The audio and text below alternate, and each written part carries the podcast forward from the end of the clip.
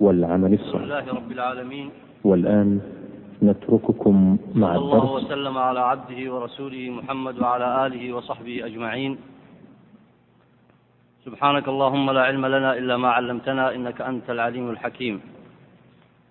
أيها الإخوة الفضلاء السلام عليكم ورحمة الله وبركاته. هذا هو الدرس السابع من كتاب الاعتصام للإمام الشاطبي رحمه الله. نسأل الله عز وجل بأسمائه الحسنى وبصفاته العلى أن يوفقنا وإياكم للعلم النافع وأن يجعل أعمالنا وأعمالكم خالصة لوجه الله. هذا الدرس استكمالا للدرس السادس في تعريف البدع وبيان معناها. وقد مضى بالدرس السابق الكلام على تعريف البدعة. في اللغة وفي الاصطلاح. وبدأنا في شرح تعريف الإمام الشاطبي رحمه الله في قوله في تعريف البدعة طريقة في الدين مخترعة تضاهي الشرعية. يقصد بالسلوك عليها المبالغة في التعبد لله سبحانه. وقد مضى من بيان معنى هذا التعريف أن من الناس من يحدث في دين الله ما ليس منه. ومعنى العبادة لله عز وجل من معناها الإخلاص لله عز وجل في عبادته. ومن معناها أيضا اتباع النبي محمد صلى الله عليه وسلم.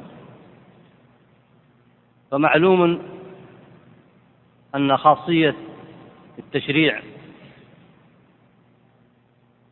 منها أن الله عز وجل هو الذي خلق وهو سبحانه وتعالى هو الذي يأمر وينهى ألا له الخلق والأمر. ومن طبيعة صحة العبادة وصحة المتابعة للنبي عليه الصلاة والسلام وعلى ذلك تترتب النجاة أن يعبد الإنسان ربه بما شرع مخلصا لله الدين كما قال الله تعالى فمن كان يرجو لقاء ربه فليعمل عملا صالحا ولا يشرك بعبادة ربه أحدا. فعد العلماء أن فعد العلماء شرطين للعبادة لا يقبلهما لا يقبلها الله عز وجل إلا بهما. الشرط الأول الإخلاص لله عز وجل. وضده الشرك ويضاده في نفس العمل الرياء. أما الشرك فيحبط العمل من أصله والعياذ بالله. فالشرك الأكبر يحبط العمل بالكلية فليس للمشركين عند الله عهد ولا ميثاق. وأمرهم أيضا لا يستقيم على طاعة ولا على عبادة ولا على توحيد الله عز وجل ومتابعة رسله عليهم الصلاة والسلام.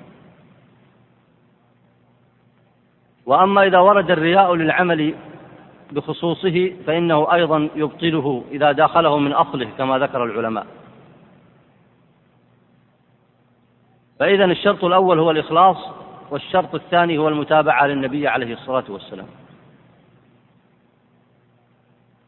وشرط المتابعة معناه أن تتعبد الله عز وجل بما قصده منك وبما أمرك به وأن تلتزم الطريق النجاة الذي حدده لك. ولذلك النبي عليه الصلاة والسلام حد طرقا كثيرة ثم ذكر تفسيرا لقوله تعالى وأن هذا صراطي مستقيما فاتبعوه ولا تتبعوا السبل فتفرق بكم عن سبيله. ذلكم وصاكم به لعلكم تتقون. فالطرق التي يمكن أن يحدثها البشر كثيرة جدا. لكنها كلها محكوم عليها بالبطلان والإحداث والابتداع والأهواء إلا طريق واحد. هو الطريق الذي جاء به النبي محمد صلى الله عليه وسلم.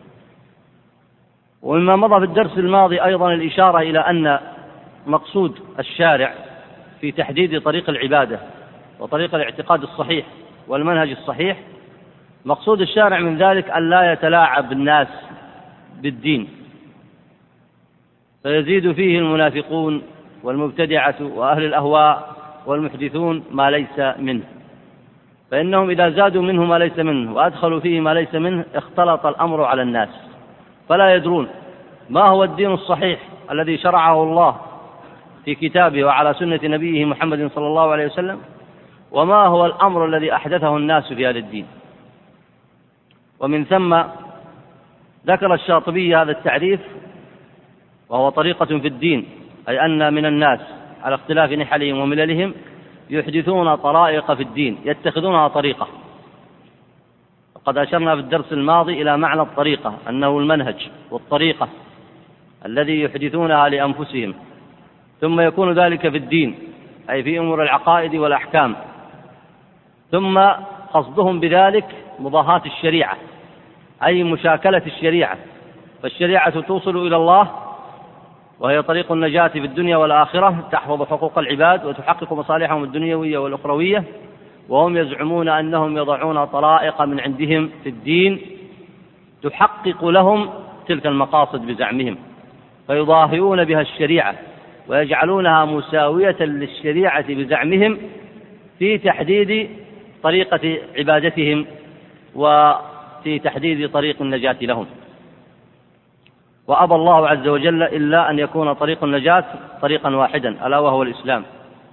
وأن يفهم الإسلام على ما بينه النبي محمد صلى الله عليه وسلم في أمور العقائد والأحكام. وعلى هذا إذا لا بد من تحقق الشرطين السابقين وهي الإخلاص لله عز وجل وضده الشرك والمتابعة للنبي عليه الصلاة والسلام وضدها الابتداع.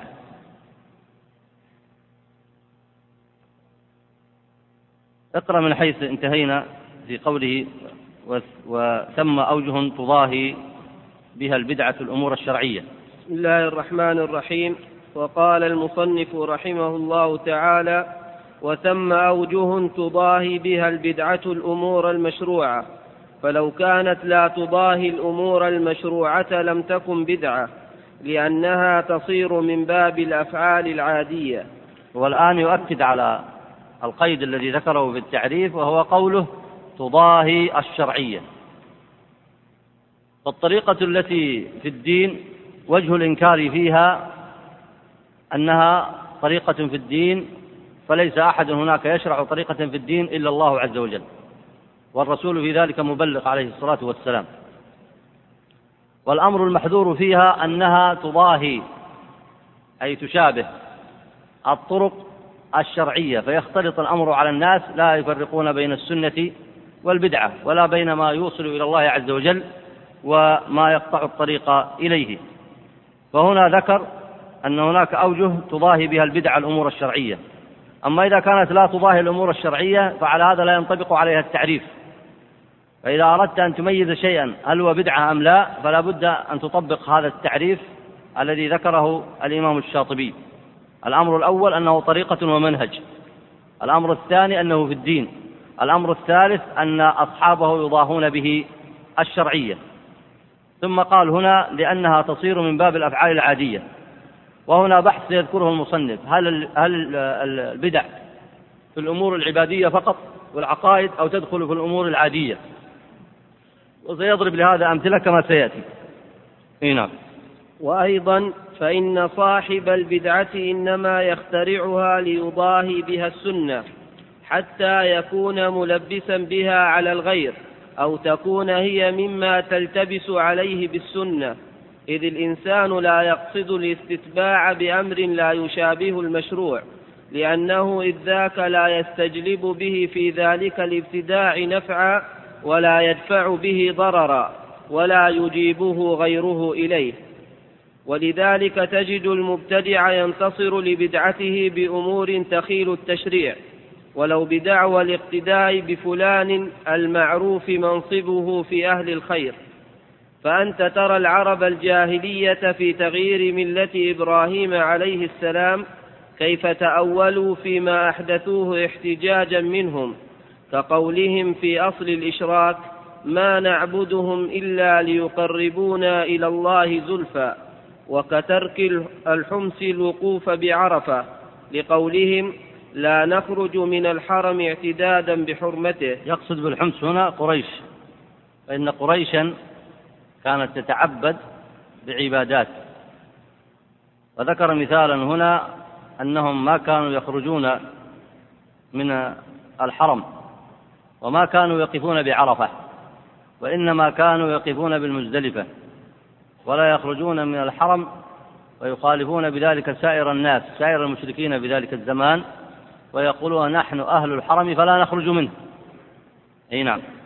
وطواف من طاف منهم بالبيت عريانا قائلين لا نطوف بثياب عصينا الله فيها وما أشبه ذلك مما وجهوه ليصيروه بالتوجيه كالمشروع. فما ظنك بمن عد أو عد نفسه من خواص أهل الملة فهم أحرى بذلك وهم المخطئون وظنهم الإصابة. وإذا تبين هذا ظهر أن مضاهاة الأمور المشروعة ضرورية الأخذ في أجزاء الحج. لاحظوا هنا تأكيدا لمنهج الشاطبي في هذا الكتاب فإنه إذا تحدث عن البدعة تحدث عنها بصورة شاملة. فيدخل في البدع الأمور الشركية. يدخل في البدع ما أحدثه المشركون من الشرك الأكبر في عباداتهم. ويذكر أيضا ما يدخل في البدع فيما أدخله أدخلته الفرق الضالة. كما سبق الإشارة إلى ذلك في الدرس الماضي. ويدخل فيها أيضا البدع الجزئية. وهذا المعنى الشامل يحتاج إليه الداعية وطالب العلم للتعرف عليه لأنه لا يمكن أن يتحقق الإصلاح المنشود إلا عن طريق إصلاح العقائد. فأنتم ترى ترون الآن أن النبي عليه الصلاة والسلام لما قدم على القوم في زمانه وجدهم يشركون بالله وشركهم هو رأس البدع. ويزعمون في هذه البدع التي يبتدعونها أنها توصلهم إلى الله. وهم يقولون هنا ما نعبدهم إلا ليقربونا إلى الله زلفى. أي لا نتخذ تلك العبادة التي كما هو, كما هو معلوم تنافي التوحيد فيعبدون غير الله ويدعون غير الله وينذرون لغير الله يزعمون أنهم لا يصنعون ذلك إلا ليتقربوا إلى الله. وذكر أمثلة جزئية أيضا في شأنهم في الطواف بالبيت وفي الوقوف بمزدلفة وعدم الوقوف بعرفة. ثم قال فأنت ترى العرب الجاهلية. وقصد أن ينبه القارئ بقوله فأنت ترى فإن هذا خطاب لك. أراد أن يذكر هذا الدليل الواقعي الواضح البين على أمر مهم وهو أن ضلالات البشرية في الجملة ترجع إلى الإحداث والابتداع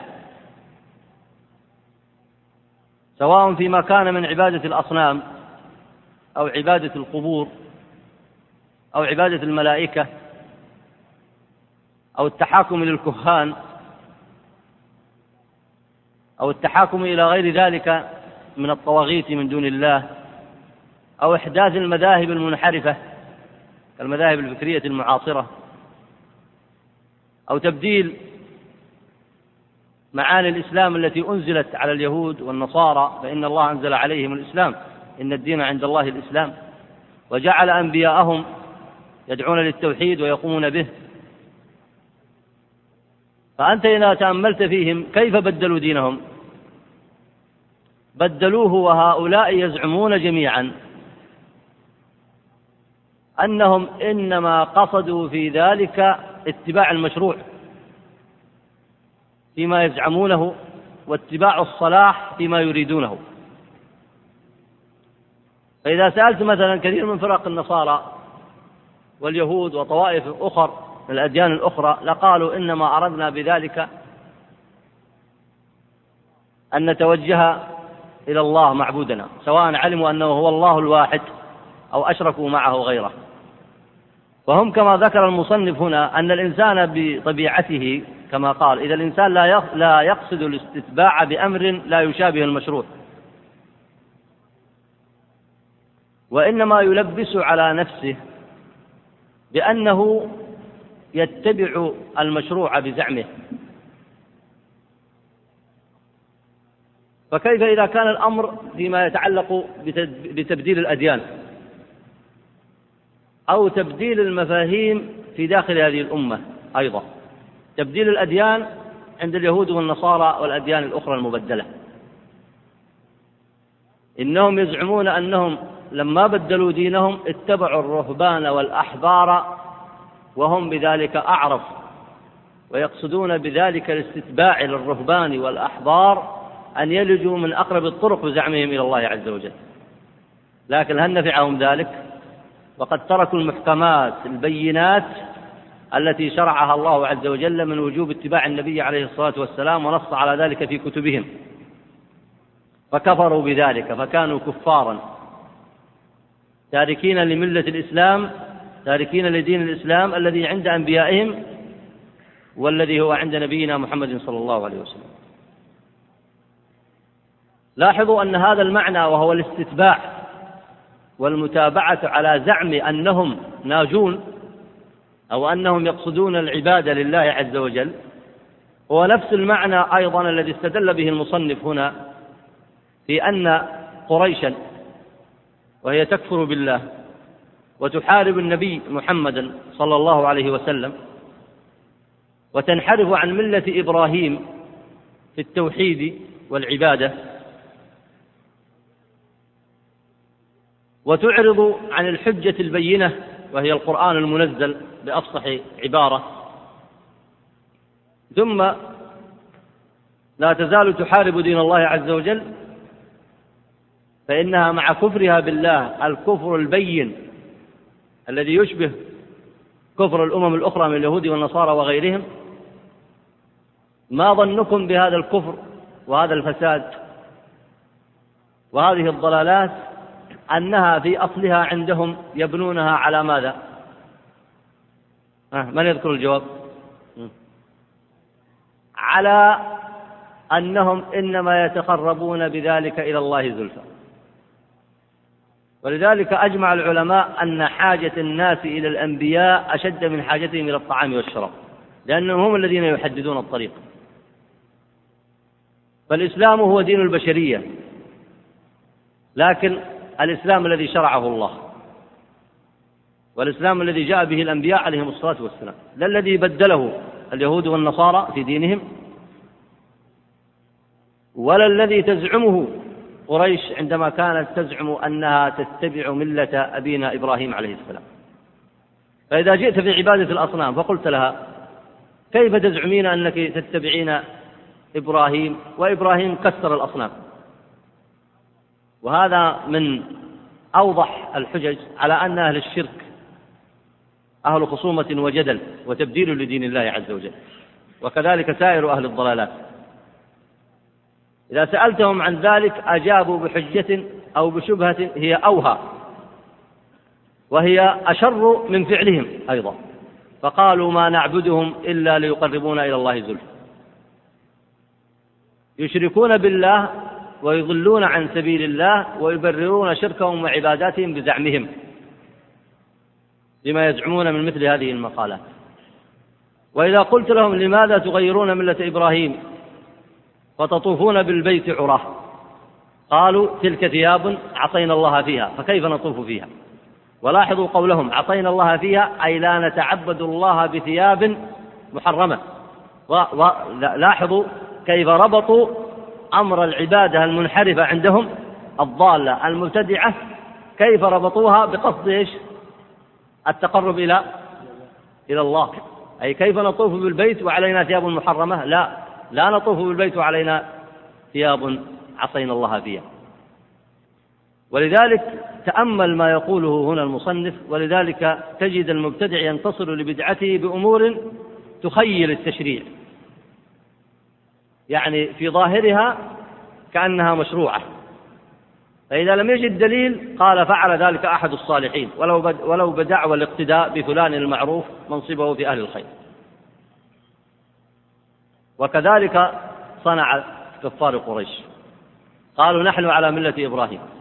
وكذلك صنع اليهود. قالوا نحن على ملة إبراهيم. وكذلك صنعت النصارى. قالت نحن على ملة إبراهيم. فحكم الله عز وجل بين هؤلاء الفرقاء الذين ابتدعوا في الدين ما لم يأذن الله به في التوحيد وفي أمور متعلقة بالعبادة وكذبوا على الرسل.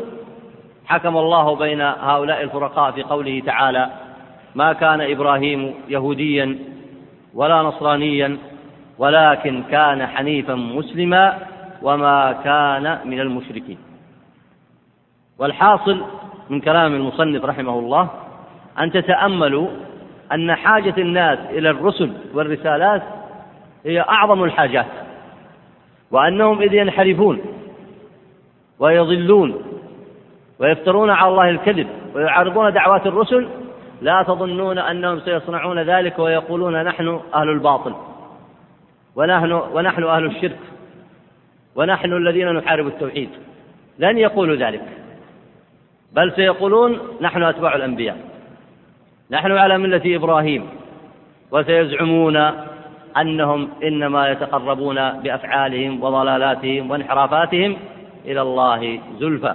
وسيزعمون أنهم إنما يحققون المصلحة في ذلك وهذا من أعظم الأمور التي تبين للناس حقيقة التوحيد والفيصل بين أهل الحق وأهل الباطل وأهل التوحيد وأهل الشرك وأهل السنة وأهل البدعة والقائمون بنصرة دين الله عز وجل وبما وبضدهم من أناس غير ذلك. ولن يوضح هذا المعنى إلا إذا أدركت ما ذكره المصنف هنا رحمه الله عز وجل. لأن كثيرا من الناس قد يستغرب ويقول فعلا هل هؤلاء الذين خذوا من الأمثلة المعاصرة الواضحة جدا. هل هؤلاء الذين يتخبطون في الشرك عند القبور ينذرون تارة لغير الله ويذبحون تارة لغير الله ويدعون غير الله؟ هؤلاء قصدهم التقرب إلى الله. أفلا يصلح أن يكون هذا عذرا لهم؟ ولأن كثيرا من الخلق لا يعرف الحجة في كشف الشبهة عن الدفاع عن التوحيد؟ يقول عجبا. أفعلا أيكون ذلك شرك؟ وإنما قصدوا التقرب إلى الله. فيجيبك أهل العلم فيقولون إن دعواهم التقرب إلى الله بهذا العمل هو وحده جريمة أخرى تنضاف إلى جريمتهم الأولى. إذ من الذي أذن لهم أن يتقربوا إلى الله بما يفعلون؟ من الذي أذن لهم؟ من الذي شرع لهم ذلك؟ هم الذين شرعوا لأنفسهم ذلك. فكونهم يشرعون لأنفسهم أنهم يتقربون إلى الله عز وجل بهذه الضلالات هذا ليس عذرا. هذه جريمة تنضاف إلى ترك عبادة الله وصرف العبادة لغير الله. جريمة أخرى لا تصلح عذرا. لكن لجهلهم بالتوحيد يزعمون أن ذلك عذر. ما نعبدهم إلا ليقربونا إلى الله زلفى. فإذا سألتهم سؤالا آخر ألا يسمعكم الله عز وجل إذ تدعون؟ فيقولون نعم يسمعنا. ولكن هؤلاء نريد أن نتخذهم وسائط عند الله. وهذه نفسها ضلالة أيضا. إذا كنت تعتقد حقا أن الله هو الذي يسمعك ويجيب دعوتك ويكشف الضر عنك ويجلب النفع عنك فما حاجتك إلى الوساطة. فيزعمون مرة أخرى بضلالة تستتبع الضلالة التي بعدها وهكذا البدع يتبع بعضها بعضا. فيقولون إذا كانت لك حاجة عند الملك تطلبها منه مباشرة أو تتخذ لك واسطة كالوزير مثلا أو كالأمير مثلا فالجواب عند الناس في أمور دنياهم لا بد أن أتخذ وساطة عنده لأنه لأنني أحتاج إلى ذلك. ولكن هذه أيضا ضلالة أخرى استتبعتها الضلالات التي قبلها. إذ كيف تقيس الله بالمخلوقين؟ الملك لا يسمعك. وتحتاج فعلا إلى وساطة. بينك وبينه إما أن تكتب له وإما أن تنقل حاجتك إلى أميره وإما أن تنقل حاجتك إلى وزيره فهو ينقلها إليه فهو لا يسمعك. لكن من أين لك هذا القياس الفاسد؟ فتقيس الله على البشر فتظن أن الله يحتاج وساطة كما يحتاج البشر. فهي أيضا ضلالة تستتبع الضلالات التي قبلها.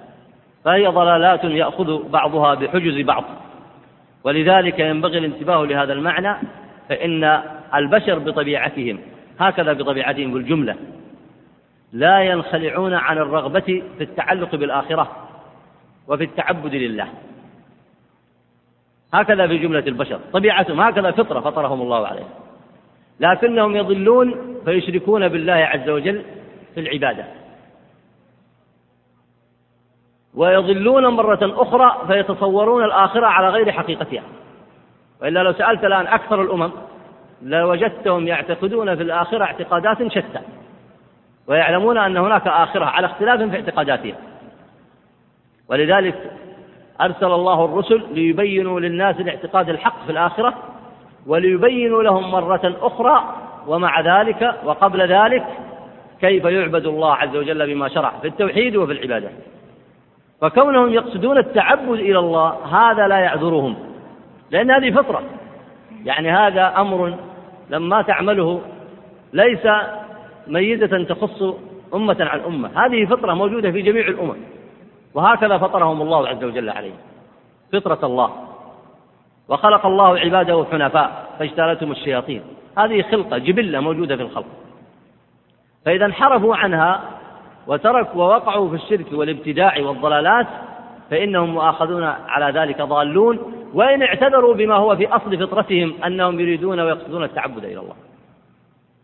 ولذلك الناس في أشد الحاجة إلى الحق الذي جاء به النبي محمد محمد صلى الله عليه وسلم محاربة للشرك ومحاربة للابتداع وقياما بالمعنى الحق للإسلام والتوحيد والإيمان كما شرعه الله لا كما يتلبس به أهل الأهواء والضلالات وغيرهم وتأملوا هذه الأمثلة مرة أخرى بعد ذلك بالمراجعة في الدرس حتى يتضح لكم هذا المعنى.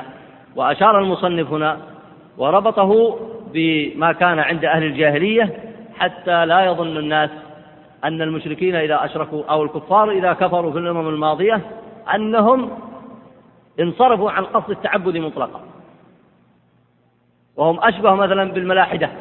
لا فإنهم يقصدون إلى التعبد لكن ضلوا عن طريقه واتخذوا ضلالاتهم سببا في رد الحق ومحاربة الرسل عليهم الصلاة والسلام. طيب اقرأ بارك الله فيك. وقوله يقصد بالسلوك عليها المبالغة في التعبد لله تعالى هو تمام معنى البدعة إذ المقصود بتشريعها وذلك أن أصل الدخول فيها يحث على الانقطاع إلى العبادة والترغيب في ذلك لأن الله تعالى يقول نعم. إذ هو المقصود بتشريعها وذلك أن أصل الدخول فيها يحث على الانقطاع إلى العبادة والترغيب في ذلك لأن الله تعالى يقول وما خلقت الجن والإنس إلا ليعبدون فكأن المبتدع رأى أن المقصود هذا المعنى ولم يتبين له أن ما وضعه الشارع فيه من القوانين والحدود كاف كاف. فرأى من نفسه أنه لا بد لما أطلق الأمر فيه من قوانين منضبطة وأحوال مرتبطة مع ما يداخل النفوس من حب الظهور أو عدم مظنته فدخلت في هذا الضبط شائبة البدعة. ولاحظوا هذا المعنى أيضا أنه أشار إلى أن المبتدع الذين يحدثون طرائق في الدين لم ينزل الله بها من سلطان أنهم أرادوا بذلك أن لا يكتفوا بما شرعه الله. وهذا هو أصل الضلالة. إذا أن الإنسان إذا اعتقد في نفسه أن ما شرعه الله ليس بكافٍ ما ظنه بالله حينئذ؟ كيف كيف يكون ظنه بالله؟ ظنا صحيحا أو فاسدا؟ إذا كان الله عز وجل الذي خلقك وخلق لك السماوات وخلق الأرض الأراضين ومكنك في هذا الوجود وأمرك بعبادته وأرسل لك الرسل لهذا الأمر يشرع لك شرائع وأنت تظن في نفسك أن ذلك ليس بكاف فتبدأ. إما أن تأخذ غيرها وإما أن تبدل فيها. ولذلك قال هنا فكأن المبتدع رأى أن المقصود هذا المعنى ولم يتبين له أن ما وضعه الشارع فيه أي في طريق العبادة لله من القوانين والحدود كافٍ. ولذلك يأتون أقوام فينصرفون عن الشريعة ويجعلون لأنفسهم القوانين الوضعية فإذا سألتهم أليست الشريعة بكافية؟ أليست الشريعة هي العدل والحق والهدى والنور والبركة؟ أليست هي حكم الله؟ ألم يشرحها العليم الحكيم الذي يعلم كل شيء؟ ثم تسألهم مرة أخرى فتقول أأنتم أعلم أم الله فيعرضون عن هذا الجواب كله ثم يذهبون بعد ذلك يبحثون لهم عن شرائع أخرى غير ما شرعه الله. فهذا هو أصل الضلالة في البشرية سواء كان ذلك في التوحيد أو في الأحكام. ثم قال هنا فرأى من نفسه أنه لا بد لما أطلق الأمر فيه من قوانين منضبطة وأحوال مرتبطة مع ما يداخل النفوس من حب الظهور أو عدم مظنته.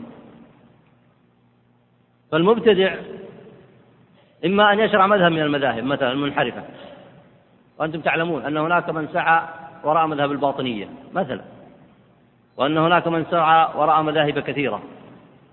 وسمة هذا العصر بطبيعته هو إحداث للمذاهب المنحرفة. وسيأتي لهذه المسألة تفصيل عند الإمام الشاطبي أيضا.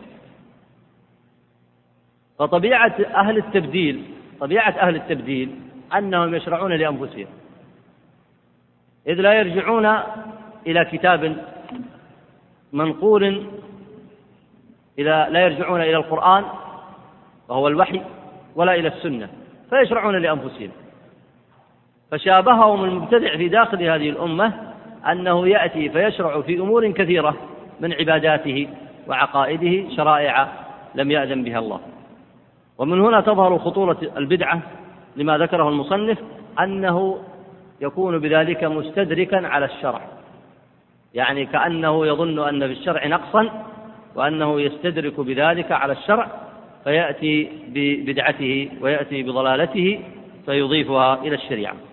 هنا وأيضا فإن النفوس قد تمل وتسأم من الدوام على العبادات المرتبة.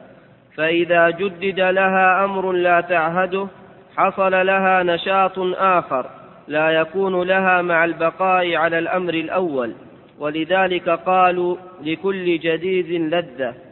بحكم هذا المعنى كمن قال كما تحدث للناس أقضية بقدر ما أحدثوا من الفجور فكذلك تحدث لهم مرغبات في الخير بقدر ما حدث لهم من الفتور هذه المقولة تنسب إلى عمر بن عبد العزيز ولم تثبت عنه بطريق صحيح.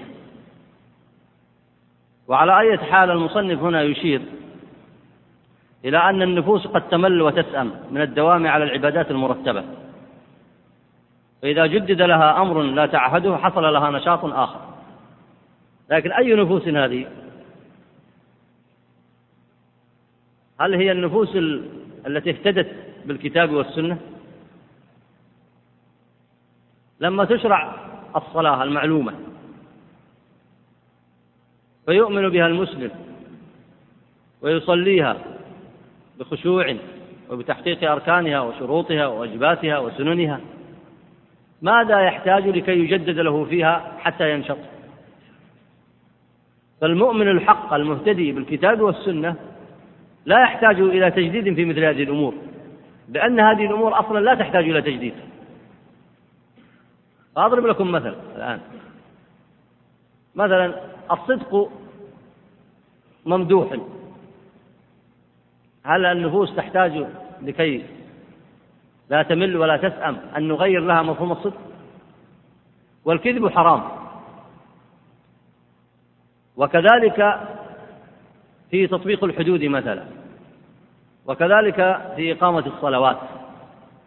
وكذلك في أداء الزكاة. وكذلك في طرائق المعاملات المعلومة. هل هذه الأمور تحتاج إلى تجديد حتى الناس لا يملوا من ذلك؟ هذه أمور مرتبطة بأصل فطرتهم وشرعت على وجه من الوجوه يحقق هذا المقصد الشرعي كما هو معروف في العبادات وفي غير ذلك من مسائل الدين. فلا يحتاج الأمر إلى إلى تجديد. ولو فتحنا هذا الباب لأننا قلنا لكل إنسان أن يأتي ويزيد في الدين ما ليس منه لما بقي للدين أصل. فقوله هنا فإن النفوس قد تمل وتسأم من الدوام على العبادات المرتبة إنما يكون ذلك في النفوس التي لا تهتدي بهذه الشريعة.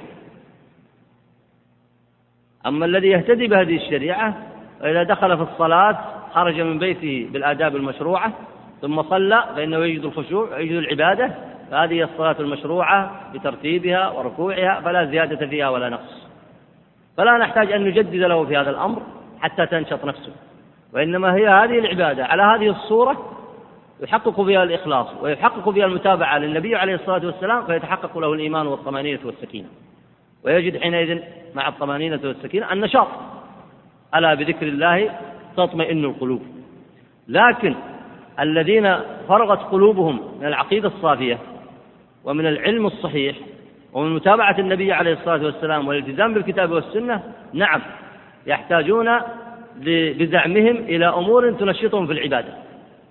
فتارة تنقلب العبادة إلى رقص حتى حتى ينشطوا بزعمهم. وتارة تنقلب العبادة إلى وجد وذهول حتى ينشطوا بزعمهم. وتارة كما سيشير المصنف يأتي عليه وقت فيترك العبادات بالكلية يسمونهم من طرق وحدة الوجود وغيرها الذين يسقطون عن أنفسهم التكاليف. وبزعمهم وهل يقال أن ذلك نشاطا وتجديدا؟ لكنها أوهام. يتوهمون مثل هذا الوهم ولا يتوهمه إلا من بعد عن العلم الصحيح. وأما أن لكل جديد لذة فهذا ممكن أن يقال في الأمور المادية. الإنسان إذا لبس له ثوبا جديدا يشعر أنه أو ركب له سيارة جديدة أو بنى له بيتا جديدا يشعر بنوع من اللذة والراحة لكن في الأمور الفطرية كالصدق آه، آه، أن الصدق محمود وأن الكذب مذموم وأن الصلاة واجبة وأن الخمر حرام وهكذا في سائر الأمور المعلومة من الدين ما ما هو الجديد الذي تتصوره حتى تبدو لك اللذة فيه؟ هل هو تغيير الدين؟ أو الابتداع في الدين؟ هو ما أراده أهل البدع في الإحداث في الدين بزعمهم وسبب ذلك يرجع إلى أنهم لا يستسلمون لأمر الشر. ولذلك كما قال الطحاوي في عقيدة المسلمين قال إن الإسلام لا يثبت إلا على قدم الاستسلام. الذين يستسلمون لله عز وجل يعلمون أن هذا هو الحق والهدى الذي أمر الله عز وجل به ويطيعون الله عز وجل سبحانه وتعالى. ويتابعون نبيه محمدا صلى الله عليه وسلم.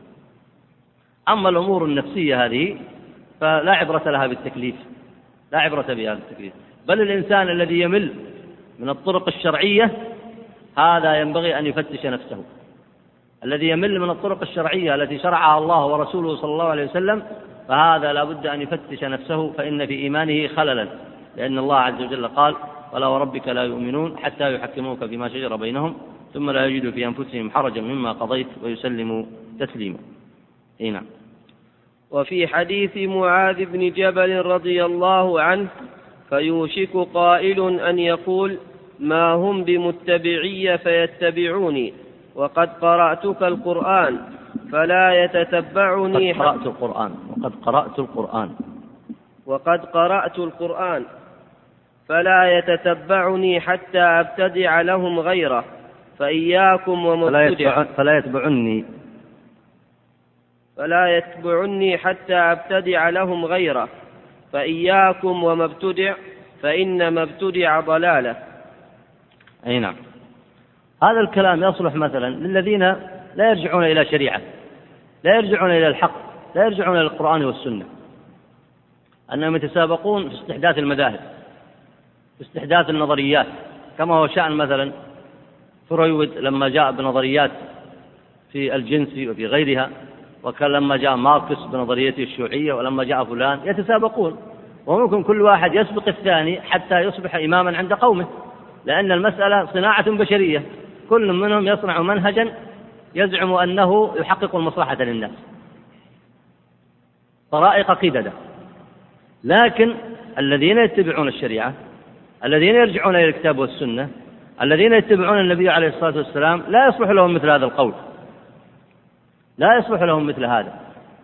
أن يأتي فيترك الجادة البينة الواضحة التي شرعها الله ورسوله فيأتي فيحدث في الدين ما ليس منه حتى يتبعه الناس فقط.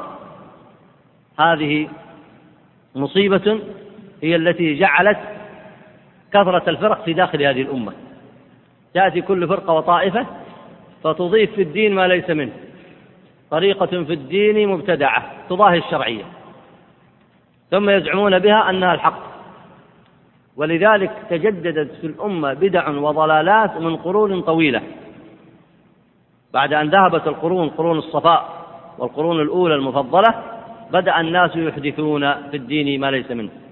ولذلك حق على أهل الإسلام وأهل العلم وأهل الهدى كما صنع الإمام الشاطبي وغيره من أهل العلم أن يكشفوا هذه البدع والضلالات ويبينوا الدين الفطري الحنفية السمحة للناس بصورة واضحة بينة بحيث إذا اتضحت انكشف ما وراء ذلك من الزيغ ومن الضلالات ومن الإحداث في الدين. أي نعم. وقد تبين بهذا القيد أن البدع لا تدخل في العادات فكل ما اخترع من الطرق في الدين مما يضاهي المشروع ولم يقصد به التعبد فقد خرج عن هذه التسمية. كالمغارم الملزمة على الأموال وغيرها نسبة مخصوصة وقدر مخصوص مما يشبه فرض الزكوات ولم يكن إليها ضرورة. وكذلك اتخاذ المناخل وغسل اليد بالأشنان. وما أشبه ذلك من الأمور التي لم تكن قبل فإنها لا تسمى بدعا على إحدى الطريقتين. وأما الحد طيب على بارك الله فيك. حديث معاذ السابق آه رواه الإمام الدارمي في المقدمة من سننه باب تغير الزمان وما يحدث فيه. وأخرجه ابن وضاح في البدع أيضا وأخرجه ابن عبد البر في جامع بيان العلم.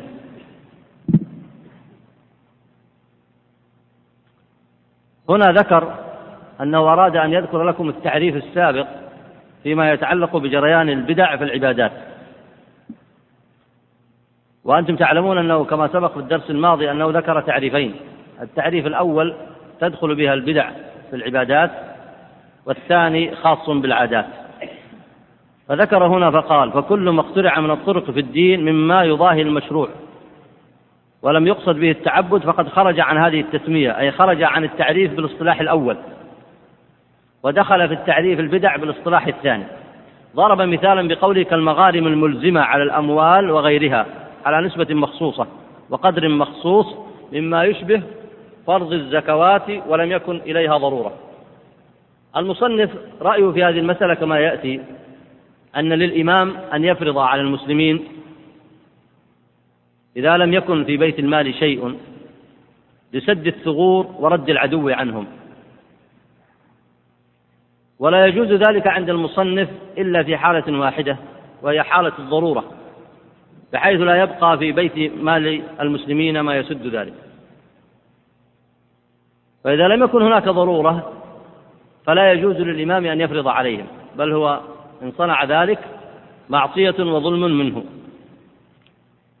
فصورة المسألة هنا حتى تعرفون ارتباطها بالتعريف لو أن في بيت مال المسلمين ما يكفيهم. وليس هناك ضرورة للأخذ من أموال المسلمين لسد الثغور. واضح, واضح هذا الآن أنه إنما يؤخذ من أموالهم لسد الثغور والجهاد في سبيل الله ورد الكفار عنهم. إذا أخذ من غير ضرورة وفشى في الناس بحيث أنه يأخذ من أموالهم بغير ضرورة يأخذ من أموالهم أشياء يفرضها عليهم بمقدرات معينة. فهنا أمران. الأمر الأول أنه فرض وهذا في حكم الواجب. جعله فرضا وواجبا. والأمر الثاني جعله مقدرا. جعله مقدرا. عليهم. بمال معين مقدر. أيشبه هذا الزكوات أو لا؟ فهو أشبه الزكوات في أمرين. أشبه الزكاة التي فرضها الله في أمرين. الأمر الأول أنه جعله فرضا. والأمر الثاني أنه جعله مقدرا وهنا ضاها الشرعية وشابه الزكاة فكان بدعة ويلحق بتعريف البدع الذي ذكره في العادات كما سبق. وهذا يرجع إلى أصل ذكره المصنف هنا وهو أنه إذا لم يكن ثم ضرورة إذا لم يكن ثم ضرورة على ما اختاره المصنف فإنه إن صنع ذلك كان فعله ابتداع في الدين لأنه أشبه الزكاة فرضا وتقديرا. قد لا يشبه الزكاة من كل وجه لكنه أشبهها في وجهين.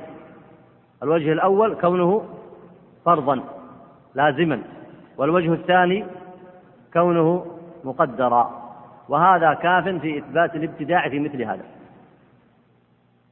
وقوله هنا أن يأخذ من أموالهم ما يسد الثغور ويرد العدوان عنهم لأن ذلك واجب. من واجباته. فيقوم بذلك والمسلمون من ورائه وحتى إن احتاج لأموالهم في مثل هذا فله ذلك. ولاحظوا الأمر هنا أنه متعلق بالضرورة. لأن حماية بلادهم وثغورهم واجب ويحقق مصلحتهم فالمصلحة في إنفاق الأموال على رأي على الأمر الذي اختاره المصنف هنا أنها تتعلق بثلاثة مراتب. المرتبة الأولى المصالح المرتبة الأولى الضرورية. والمرتبة الثانية الحاجية والمرتبة الثالثة التحسينية. فترتب أموال المسلمين بمقتضى الشريعة الإسلامية على هذه الثلاثة المراتب. الضرورية وهي كل ما يتعلق بضروراتهم ومنها سد الثغور ورد العدوان عنهم. ومنها ما يتعلق بأمر الدين وما يتعلق بأمر الأمور الضرورية. ثم تنفق في المرتبة الثانية إن زاد منها على الأمور الحاجية. ثم إن كان ثم لا يقع ضرر ينفق منها على الأمور التحسينية. فهذا هو الأصل في ترتيب الإنفاق سواء لك أنت أيها المكلف في ذات نفسك. يعني أنت الآن في ذات نفسك إنما تنفق أموالك بهذا الترتيب الأمور الضرورية ثم الحاجية ثم التحسينية. أي نعم. وأما الحد على الطريقة الأخرى فقد تبين معناه إلا قوله يقصد بها ما يقصد بالطريقة الشرعية ومعناه أن الشريعة إنما جاءت لمصالح العباد في عاجلتهم وآجلتهم لتأتيهم في الدارين على أكمل وجوهها فهو الذي يقصده المبتدع ببدعته لأن البدعة إما أن تتعلق بالعادات أو العبادات فإن تعلقت بالعبادات فإنما أراد بها أن يأتي تعبده على أبلغ ما يكون في زعمه ليفوز بأتم المراتب في الآخرة في ظنه. وإن تعلقت بالعادات فكذلك لأنه إنما وضعها لتأتي أمور دنياه على تمام المصلحة فيها. فمن يجعل المنافع لاحظ الآن أنه أشار إلى وقوع البدع في العبادات كما سبق وهي تقع في التوحيد وفيما يتبعه من العبادات كما سبق في الأمثلة الماضية السابقة. ثم تتعلق أيضا بالعاديات ويقصد بها العلماء المعاملات. فمثلا لو أن إنسانا ترك الحدود الشرعية وانصرف عن العقود المشروعة. ثم وضع بدل الحدود عقوبات أخرى لم يشرعها الله. ثم وضع بعد ذلك في أمور المعاملات عقودا فاسدة باطلة لم يشرعها الله ورسوله صلى الله عليه وسلم. ثم جعل في جوانب كثيرة من حياة الناس يحكمها القانون ولا تحكمها الشريعة. هذا ما أشار المصنف هنا بقوله وإن تعلقت بالعادات لأن الأمور الشرعية تنقسم إلى أمور أصلها التوحيد الشريعة أصلها التوحيد ثم بعد ذلك تأتي الأحكام تنقسم إلى قسمين أحكام العبادات وهي معلومة والأحكام الأخرى ما يسمى بأحكام المعاملات وتسمى أيضا العاديات ولأن العاديات لا يظهر فيها معنى التعبد كظهوره في العبادات. فأشار المصنف إلى أن أمور العبادات تجري فيها البدع على ما ذكر في التعريف السابق. ثم ذكر في الأمور العادية الأمور العاديات وهي المعاملات وما شابهها. لو أن إنسانا شرع بدل الحدود الشرعية عقوبات قال مثلا بدل الزاني نحن ما نرجمه إذا كان محصنا أو نجلده نعاقبه بالسجن مثلا. وشرع مثلا في أمور العقود الفاسدة صحح صحح عقود الربا مثلا. فهذان مثالان. المثال الأول أنه جعل بدل الحد المشروع مالا. عفوا جعل بدل الحد المشروع سجنا أو عقوبة مالية. وجعل بدل العقد الباطل الفاسد جعله صحيحا معتبرا. فجعل التجارة مثلا في الخمر في الشريعة باطلة والعقد باطل فاسد فجعلها صحيحة جعل العقد صحيحا في ذلك وكذلك في الربا وسائر العقود الفاسدة. هذا ما قصد به المصنف هنا في العادات ويسمى العاديات وتسمى المعاملات الأمور المالية العبادية. والفرق بين العبادية العبادات أنه العبادات تحتاج إلى نية ولا يجري فيها القياس بالجملة يعني هذا ضابط من الضوابط التي ذكر أهل العلم. الأمور العبادية كالصلاة وغيرها من العبادات هذه لا يجري فيها القياس في الأغلب. وتحتاج إلى النية. لكن أنت إذا عقدت عقد مثلا مالي تحتاج إلى نية؟ هل يقال مثلا أن من شروط هذا العقد أنت الآن تقول من شروط الصلاة من شروط الصلاة النية. لكن لا تقول من شروط عقد من العقود النية. فهناك أظهر فيها معنى التعبد بل أغلب فيها معنى التعبد ولذلك يضاد فيها القياس لا يجري فيها في الأغلب. الأمور العادية مثل مسائل الحدود مثلا إذا قمت الحد على فلان ما يحتاج إلى نية. وكذلك إذا عقدت عقدا لا تحتاج إلى نية كنية الصلاة. فالأمور العادية والمعاملات والحدود هذه لا تحتاج إلى نية. لكن فيها معنى التعبد من حيث أنه يجب أن تأخذها من أين؟ من الشريعة. وتصدق فيها حكم الشرع. وتؤمن به. ولا تعترض على حكمته. وتسلم به. ولا تبدله. ولا تغيره. وأن تتحاكم إليه. هذا كله في معنى العبادة. واضح هذا؟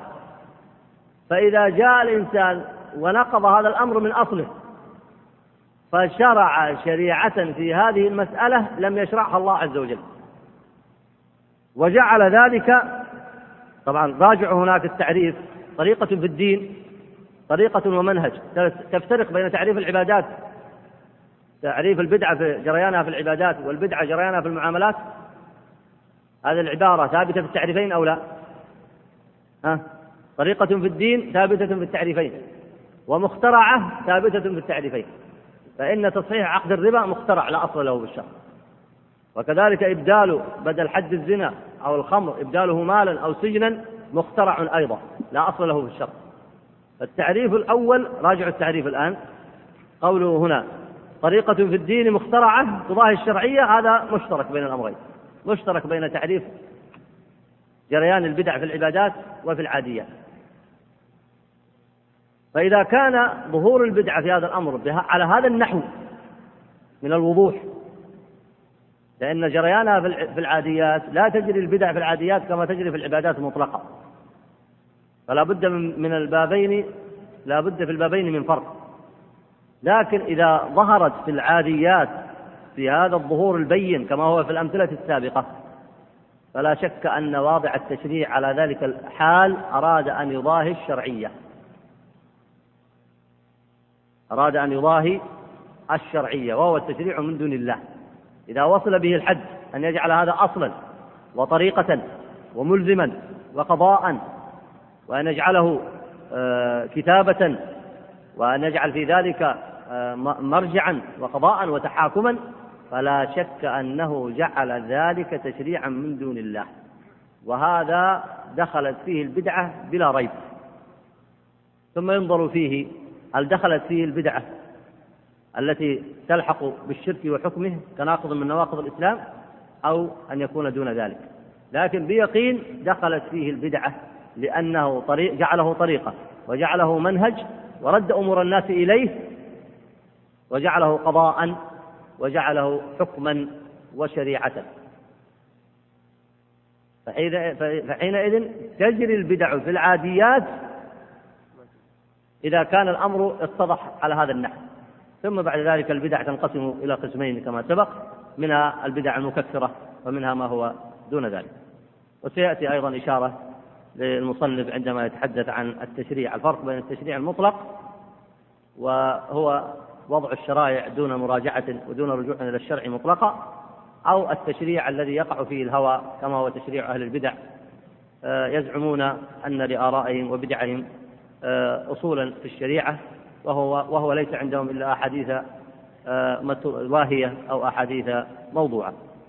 أي نعم، اقرأ بارك الله. فمن يجعل المناخل في قسم البدع فظاهر أن التمتع عنده بلذة الدقيق المنخول أتم منه بغير المنخول وكذلك البناءات المشيدة المحتفلة التمتع بها أبلغ منه بالحشوش والخرب ومثله المصادرات في الأموال بالنسبة إلى أولي الأمر وقد أباحت الشريعة التوسع في التصرفات فيعد المبتدع هذا من ذلك وقد ظهر معنى البدعة وما هي في الشرع والحمد لله. فإذا الآن آه، ظهور معنى البدعة أنها منهج وطريقة. هذا واحد. معناها الاستمرار. وأن تجعل أمرا يرد الناس إليه. الطائفة تجمع أتباعها عليه. المحدث لهذه البدعة في العبادات أو في العاديات يجمع الناس أو يحوش كثيرا من الخلق إليها. فإذا أصبحت طريقة ومنهجا في الناس. كثروا أو قلوا. ففيها معنى الاجتماع عليها وفيها معنى الاستمرار. ثم الأمر الثاني أنها مخترعة لا أصل لها. لا أصل لها في الشريعة. فإذا زعم أن عنده حديث واهن مثلا أو موضوع يظنه صحيح هذا أيضا لا أصل له. من الذي يحدد أن لها أصل أو لا؟ العلماء العارفون بالسنة. وإلا هؤلاء عباد الأصنام يقولون أن لفعلهم أصلا. أليس كذلك؟ يزعمون أن لفعلهم أصلا وهو ملة إبراهيم. لكن أن للعقلاء العلماء أن يقبلوا أقوالهم. فليس لكل أحد أن يحدد أن هذا أن قوله وابتداعه له أصل. فننظر في أصله. فإن كان له أصل معتبر مبني على دليل صحيح فنقول نعم ونعمة عين. وحينئذ هذا الأمر من الشريعة. وإن لم يكن له أصل معتبر ودليل صحيح فإنه حينئذ ابتداع في الدين. ثم الابتداع يدخل في الأمور العبادية كما وضح الإمام الشاطبي رحمه الله في التعريف الأول. وعليكم بمراجعة التعريفين والمقارنة بينهما ويدخل أيضا في الأمور العادية إذا اتضح بحيث أنه يظهر فيه معنى الاختراع. يظهر فيه معنى الاختراع ويظهر فيه معنى المضاهاة للشريعة فإنه يلحق أيضا بتعريف البدع. والله أعلم. كم بقي من الوقت.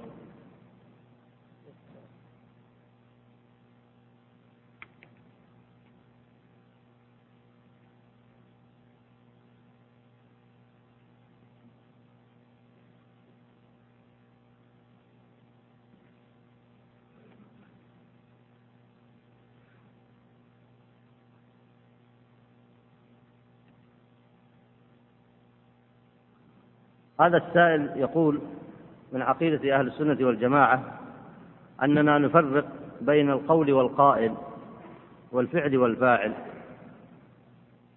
فهل فعل الزنا من حيث أنه فعل وليس فاعل كفر؟ أي بمعنى آخر هل الزنا مثلا المخالف باعتباره مخالف لأمر الدين هل هو كفر؟ أما الفاعل فهو على كبيرة ما لم يعتقد التحليل. هذا السؤال المكتوب. آه، عليه ملاحظة وهي أن صاحبه ذكر أن الزنا سمي كفرا في الشريعة. ولم يسمى الزنا كفرا في الشريعة. وإنما قال النبي عليه الصلاة والسلام لا يزني الزاني حين يزني وهو مؤمن. فأخذ العلماء من ذلك أنه ليس المقصود هو رفع الإيمان بالكلية وإثبات الكفر واستدلوا بأن الحدود تقع على الزناة وعلى العصاة من السراق والقتلة وغيرهم لأن ذلك لا يخرجهم من الإسلام والمقصود بالحد تطهيرهم من ذلك. ولو كانوا كفارا ما طهرتهم الحدود فهم لهم حكم الإسلام. أما القاعدة التي ذكرها وهي الفرق بين القول والقائل والفعل والفاعل وهي موضع السؤال فمثاله الذي ذكره غير صحيح على ذلك. لكن لعله يريد أن يسأل أن الإنسان قد يأتي بفعل هو شرك أو كفر.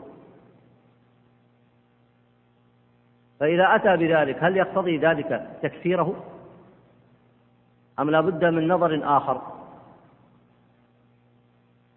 الذي ذكره أهل العلم أن هذه مسألتين وليست مسألة واحدة وهذا مما ينبغي أن يتنبه له طلاب العلم. إذا أتى فعلا شركيا من الشرك الأكبر أو كفرا فإننا نقول أنه أتى الكفر والشرك ونكون بذلك صادقين. فعله شرك وكفر. فإذا مثلا وقع في ناقض من النواقض فإنه لا بد من التحذير من هذا العمل. فنقول أنه كفر وشرك. أما بالنظر إليه هو فننظر فيه.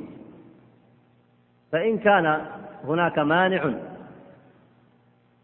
لأن العلماء قالوا أن ترتيب حكم الكفر لا بد من شروط تحقق شروط وتحقق وانتفاء موانع. فإن كان قاله وهو في حالة إغماء المجنون مثلا غير مكلف. وكذلك الذي قاله أو فعله وهو لا يميز بين الأمور فإنه أيضا لا ينطبق عليه الحكم. وكذلك إذا كان مكرها فإن الشروط والموانع التي ذكرها العلماء هنا نظروا فيها باعتبار التفريق بين أمرين. فالأمر الأول أن فعله كفر وشرك. والعلماء يبينون ذلك لماذا؟ حتى يحذر الناس من هذا الفعل فلا يأتوا مثله. أما بالنسبة لخصوصه فننظر. فإن كان معذورا عذرناه وإن لم يكن معذورا لم نعذره. والذي يعذره أو لا يعذره من هو؟ الشارع. الذي يعذره أو لا يعذره هو حكم الشرع. وغلط في هذا الناس غلط في هذه المسألة فريقان. فريق يأتي لممارسات شركية كفرية فيقول هذه ليست بشرك ولا ولا كفر. فلذلك الآن عبادات القبور وما يترتب عليها من الشرك ومن الضلالات عند قوم كما سلف بيانه إما أن تكون قربات أو تكون مجرد كبائر دون الشرك. وهذا الذي جعل العوام يعكفون على القبور لا يقومون عنها وكذلك الذين يعارضون شريعة الله وينتقدون حكمة الأمر ويشرعون من دون الله اعتبرت أفعالهم عند كثيرين ليست بكفر ولا بشرك وهذا يوهن من معنى الدين إذ ما هو التوحيد إذن؟ إذا كانت عبادات القبور ليست شركا فما هو التوحيد؟ وإذا كان الاعتراض على حكمة الشرع وتقديم القوانين الوضعية على الشريعة الإسلامية ليس شركا فما هو التوحيد إذن؟ ما هي العبادة إذن؟ فهذا وهن من معنى التوحيد عند الناس. والصواب ما ذكره السلف أن كل من أتى كفرا أو شركا ينبغي التحذير من ذلك العمل على أنه كفر وشرك حتى ما يقرب أحد. حتى كل إنسان سواء اللي يحذر منه أو السامع ما يقربه. حذرا من الشرك وحذرا من نواقض الإسلام ومحافظة على التوحيد. هذه مسألة وباب مستقل. المسألة الثانية النظر في فعل النظر في هذا الإنسان. ما حكمه؟ هذا نظر بتحقق شروط وانتفاء موانع. هذا باب آخر. فالفريق الأول خلط بين الأمرين. فقال إذا قلنا أن هذا كفر أو شرك فإن هذا مقتضى أن نكفر كل من يعمل به.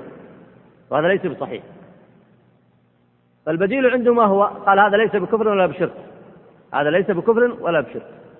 فأصبح كثيرا من الكفريات والشركيات عند الناس أشبه المعاصي التي دون الشرك. فلذلك توهن وضعف عندهم فهم التوحيد. وجاء فريق آخر فقال كل كفر أو شرك فإنه يقتضي بلا ريب تكفير صاحبه. وهذا أيضا غلط. وهناك من الأمثلة ما يوضح هذا بجلاء. عمار بن ياسر كما ورد في بعض الآثار لما أخذته قريش وأكرهته على قول الكفر قاله أو لا؟ وتكلم في النبي عليه الصلاة والسلام أو لا؟ والكلام في النبي وذمه والطعن في الإسلام كفر ولا ليس بكفر؟ كفر. أنت الآن ما تنشغل بفعل عمار. أنت تنظر هذا الفعل الآن. كفر أو لا؟ هل تقول أن هذا الطعن في الدين ليس بكفر؟ خوفا على فلان أو فلان؟ من أن يقع عليه حكم الكفر؟ ما يجوز لك أن تصنع ذلك. لأنك لو قلت أن هذا الأمر ليس بكفر وهنت الدين. يجي إنسان فيطعن في الدين ويقول هذا ليس بكفر. ويجي إنسان يعبد القبور ويقول هذا ليس بشرك. ويجي إنسان ينقض الشريعة ويشرع من دون الله ويقول ليس بشرك. ففتح باب الشرك على مصرعيه والكفر على مصنعيه ووهنوا هذا الأمر باعتباره من المعاصي التي هي دون الكفر والشرك. وهذا غلط بلا ريب. وتغيير لمعنى التوحيد. وتبديل والعياذ بالله. فأنت تقول ما فعله عمار كفر وشرك لا يجوز لكل لأي إنسان أن يفعله. ومن فعله من فعل هذا الكفر والشرك فهو في النار. بلا ريب. لكن لما تأتي لعمار تستثنيه بحكم الشرع أو لا؟ ولا بالهوى؟ تستثنيه بحكم الشرع. لأن الشرع عذره. إلا من أكره وقلبه مطمئن بالإيمان. أي من أكره على قول الكفر وقلبه مطمئن في الإيمان بالإيمان فهو معذور. لكن من شرح بالكفر صدرا ليس بمعذور. فما يمكن أن تأتي فتقول أن عمار معذور وفعله ليس بكفر ولا بشرك. ما يمكن تقول هذا. يقول لا الفعل في حد ذاته كفر وشرك. وإلا لما استغربه عمار ولما استأذن النبي عليه الصلاة والسلام فيه ولا ما قال ما قال. لكنه لكن فعله بلا ريب هو من الكفر والشرك ولم ينطبق الحكم عليه لأنه كان إيش؟ مكرها. وهذا معنى تحقق شروط وانتفاء موانع. ولو أن الدعاء وطلاب العلم حذروا من الشرك والكفر المنتشر في العالم الإسلامي في عقائد كثير من العوام وفي المذاهب الفكرية المعاصرة وغيرها على أنها كفر وشرك مخرج عن الملة لو صنعوا ذلك لنفع الله بهم الخلق وابتعد أكثر الخلق عن هذه الشركيات والكفريات لكن إذا قلت له هذا المذهب ليس بكفري وعبادة القبور ليست بشرك وإنما من المعاصي. متى يقوم العامي عنها متى يقوم؟ فكثير من الناس انشغلوا بالحكم الذي سينطبق على العوام فضعفوا في, الم... في الأمر فقالوا هذا ليس بكفر وليس بشرك فاختلط التوحيد بالشرك على العوام والتبس أمر الدين على الناس. فالحكم على الفاعل غير الحكم على الفعل في بعض المواطن إذا لم تتحقق الشروط وتنتفي آه، الموانع. هذا يقول أرجو أن يكون الدرس لا يتعدى آه، ساعة ونصف لعل هذا ييسر إن شاء الله. يقول هنا ذكرتم أن أهل البدع عندما يقولون نحن نحتاج إلى ترقيق قلوب الناس فنجمعهم على ذكر واحد. هذه بدعة. هو كما ذكر الإمام الشاطبي أنهم يقول نحتاج إلى ترقيق قلوب الناس ونحتاج إلى نشاط. ونحتاج إلى نشاط. هذه أمور نفسية وهمية.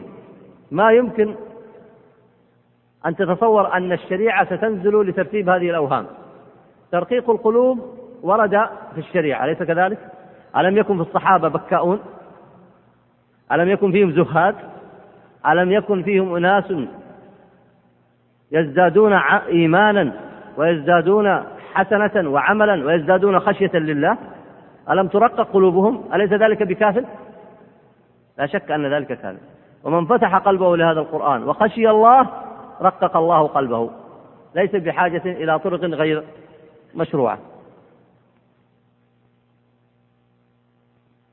يقول هنا هل بعض الدعاة الذين يريدون ترقيق قلوب الناس ودعوتهم فيقولون نخرجهم معنا للدعوة ونفصلهم عن دنياهم. ثم بعد ذلك تؤثر الدعوة فيهم. هل هذا من البدع؟ أي طريقة في الدعوة للتأثير على الناس؟ بيان الحق لهم وتربيتهم على السنة كل هذا مشروع بشرط أن لا يداخله البدع. وليس عزل الناس عن دنياهم ليس هذا وحده بدعة أنتم الآن جئتم في المسجد هذا وجمعتم أنفسكم وتركتم كثير منكم ترك مصالح كثيرة له. تركت دنياك وراء ظهرك في هذه الساعة وجلست. ولذلك لو انشغلت بدنياك ما جلست مثلا مجالس الذكر ولا تعلمت العلم. فكون الإنسان ينشغل عن دنياه فترة من الفترات ويجعل وقتا خاصا للعلم آه، أو لبعض العبادات هذا مشروع لا شيء فيه. لكن إذا خلطه أمور غير مشروعة كأن مثلا آه، يربطه بمنهج غير شرعي فيأخذه مثلا يعتكف ممكن واحد يقول تعال اعتكف في البيت. عشان تتأثر بالدعوة وتأثر بالعلم. الاعتكاف في البيت ليس بسنة. فهنا يدخل الابتداع أو قال مثلا تعال واخرج مثلا من السنين أو من الشهور كذا وكذا.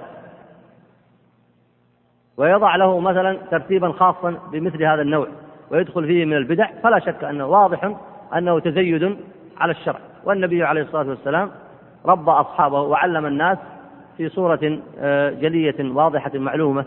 من قرأ سيرته في مكة وسيرته في المدينة ظهر له ذلك بجلاء. عليه الصلاة والسلام. يقول هنا هل ما نراه اليوم من خط الخطوط في المساجد لتسوية الصفوف؟ ما حكم ذلك فيما أحدثه الناس لحاجتهم؟ ما دام من معنى يرجع إلى أصل وهو تسوية الصفوف دون أن يكون يعني ملزما ودون أن يقول عنه أنه سنة من السنن وإنما يجعل للناس ترتيبا في المسجد بحيث يصطفون في الصفوف فأرجو أن لا يكون به بأس.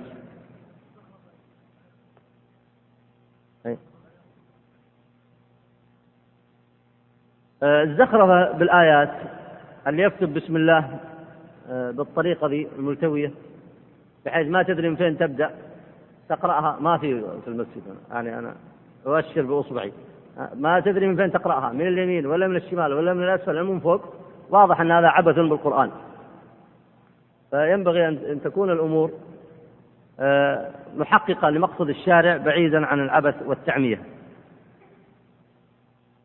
يقول هنا آه، ساق المؤلف الكلام على الطواف على القبور هنا يقول ليس طريق الطواف على القبور ليس طريقة مخترعة فقد سبق إلى ذلك أقوام نوح وغيرهم فكيف تدخلها البدعة؟ نعم، من يذكر الجواب؟ من يجيب؟ يقول هنا يستشكل السائل يقول الطواف على القبور ليس طريقة مخترعة. الآن رأس البدع الشرك فلازم تطبق عليه التعريف. تعريف البدع إيش هو؟ طريقة في الدين مخترعة. فيقول الطواف على القبور ليس طريقة مخترعة فقد سبق إلى ذلك أقوام نوح وغيرهم فكيف تدخلها البدعة وكذلك الشرك يقول فقد سبق إليه إبليس وغيره. فمن يذكر الجواب؟ تفضل. أحسنت. هي مخترعة. كونها قديمة عملها إبليس أو عملها قوم نوح المشركين لا يعني أنها ليست مخترعة. الأصل في البشرية ما هو؟ الأصل هو التوحيد فهي طريقة مخترعة نعم.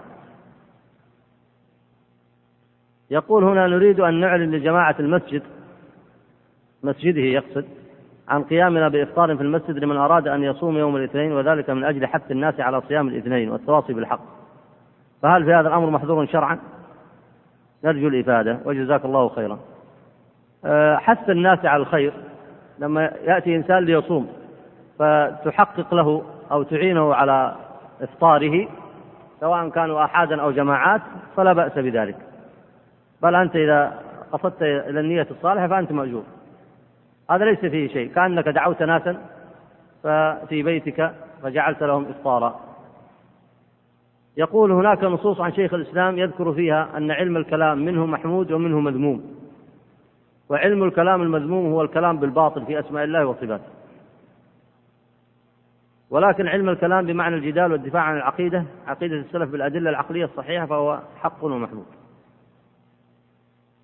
أنا لا أذكر هذا التفصيل في كلام شيخ الإسلام ابن تيمية فلو أن السائل ذكر ما يدل على كلامه لكن المعلوم أن شيخ الإسلام ابن تيمية رحمه الله يذم علم الكلام الذي هو المنهج الذي ابتدعته الفرق في دراسة أمور العقيدة. يذم ذلك وقد بين ذلك في كتابه الرد على المنطقيين والرد على الفلاسفة وغيرهم. ولا شك أن إدخال الفلسفة في الدين إدخال الفلسفة في الدين من الأمور التي أفسدت مفاهيم الناس. الدين هذا واضح وجلي. عقيدة صحيحة وشريعة حاكمة وأخلاق نبوية. الإسلام هذا واضح في كل مجالاته فإدخال الفلسفة أو ما يسمى المنطق أو تراث اليونان أو مناهج الغربيين أو غيرها في دراساتهم إدخال ذلك على الدين كله من المناهج المذمومة وشيخ الإسلام ابن تيمية ذم علم الكلام في مواطن كثيرة معلومة. يقول هل يعتبر تصنيف القرآن على أساس المواضيع لكي آه، يمكن الرجوع إليه في حال الرغبة؟ مثل كتاب تفصيل القرآن. هل يعتبر هذا من البدع؟ لا هذا لا يعتبر من البدع لأنه يلحق بكل علم بينه السلف في حفظ القرآن كجمع القرآن وتفسيره وغير ذلك. يقول هل القنوت المستمر بعد صلاة الفجر من البدع؟ هذا الذي يظهر لي فيه أنه من المسائل الخلافية الفقهية المذكورة بين أهل العلم.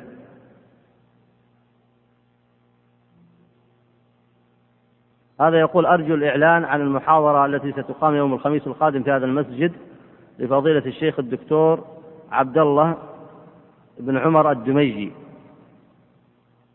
عميد كلية الدعوة وأصول الدين بعنوان من خصال الجاهلية للأهمية وجزاكم الله خيرا مندوب الدعوة في الإسكان.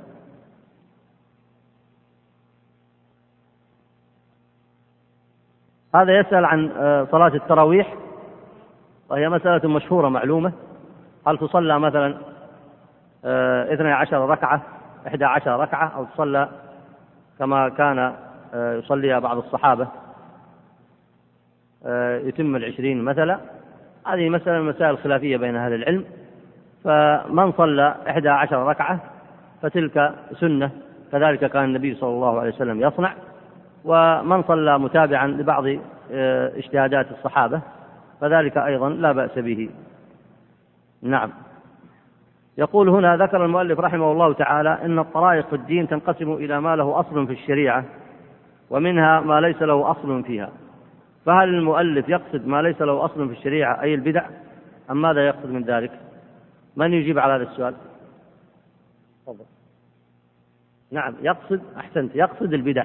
إذا قال ليس له أصل في الشريعة يقصد البدع. والمقصود ما له أصل في الشريعة معتبر عند أهل العلم العارفين بالسنة والعارفين بالنصوص الشرعية. أما إذا جاء الجهل الذي لا يعرفون النصوص الشرعية وزعموا أن ذلك أصلا له في الشرع أن له أصلا بحديث واهن أو ضعيف أو بحديث واهن أو بالأحاديث الضعيفة أو بالأحاديث الموضوعة فإنه لا يعني أن له أصل لأن أصله حينئذ فاسد. يقول هل يشترط للتسمية للبدعة أن تكون حالا حالة مستمرة مداوما عليها؟ أي إذا فعلها مرة واحدة فقط هل تسمى بدعة؟ من يذكر الجواب على هذا؟ تفضل. أحسنت. من شروط البدعة أن تكون طريقة في الدين فهذا الذي فعلها مرة ثم تركها لا يعتبر فعله بدعة في ذلك لأنه تركها يعني ليس هناك شيء تحكم عليه. ما في هناك صورة ثابتة تحكم عليها. لكن إذا كانت طريقة في الدين فمعنى أنها مستمرة فأنت تحكم على أمر بين تراه وتحكم عليه. أما إذا فعله مرة ثم تركه فإنه لا حكم له. يقول هنا ما هو الدليل على أن من استحل معصية كفر؟ وهل يقصد بها المعاصي الكبيرة أم أي معصية؟ من يذكر الجواب على هذا السؤال؟ تفضل.